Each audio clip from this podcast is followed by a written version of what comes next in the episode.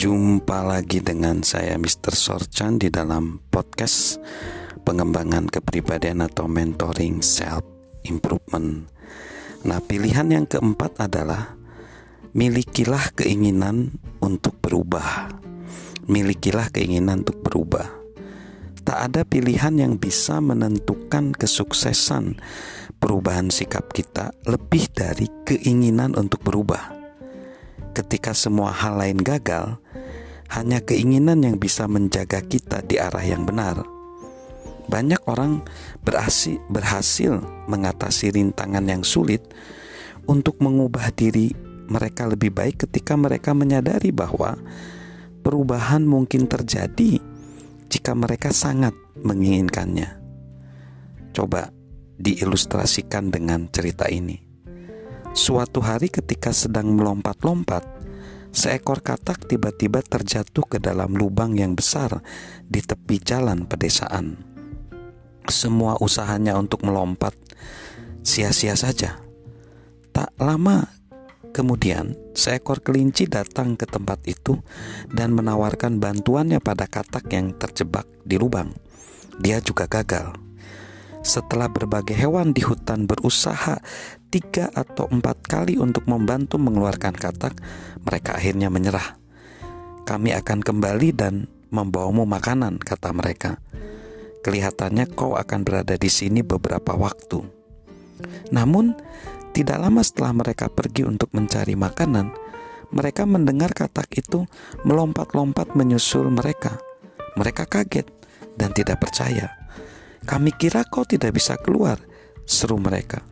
Oh, aku memang tidak bisa, jawab katak. Tapi kalian tahu, ada truk besar datang ke arahku. Aku harus keluar. Saat harus keluar dari lubang kehidupan, kita pun berubah.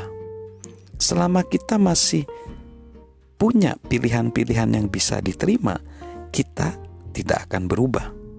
Sejatinya, kebanyakan orang merasa lebih nyaman dengan masalah lama daripada solusi baru.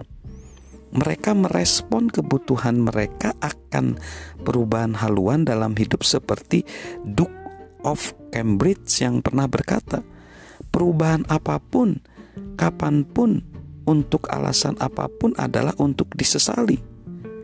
Orang-orang yang percaya bahwa tidak satu tidak satu hal pun harus dilakukan untuk pertama kalinya tidak akan pernah melihat apa pun dilakukan. Orang-orang bisa berubah, dan itulah motivasi terbesar dari semuanya. Tak ada yang bisa memantik keinginan lebih besar daripada kesadaran yang muncul tiba-tiba bahwa kondisi kita tidak harus selalu sama. Jatuh cintalah pada tantangan perubahan, dan lihatlah tumbuhnya keinginan untuk berubah. Itulah yang terjadi pada Aleida Hussein, 78 tahun dari Rotterdam, Belanda. Dia sudah merokok selama 50 tahun. Dia berusaha menghentikan kebiasaan itu. Namun dia tidak pernah berhasil. Kemudian Leo Jensen, 79 tahun melamarnya. Tapi tidak ingin melanjutkannya ke upacara pernikahan sebelum Aleida berhenti merokok. Aleida berkata, keinginan tidak pernah cukup untuk mengeluarkan dari kebiasaan itu. Cinta yang melakukannya.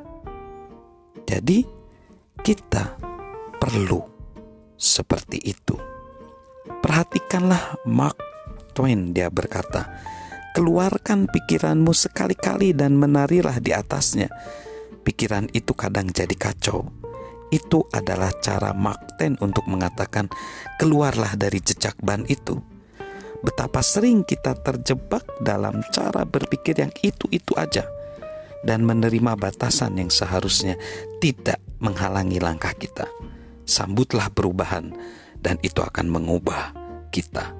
Salam good attitude dari saya. Mr. Sorchan.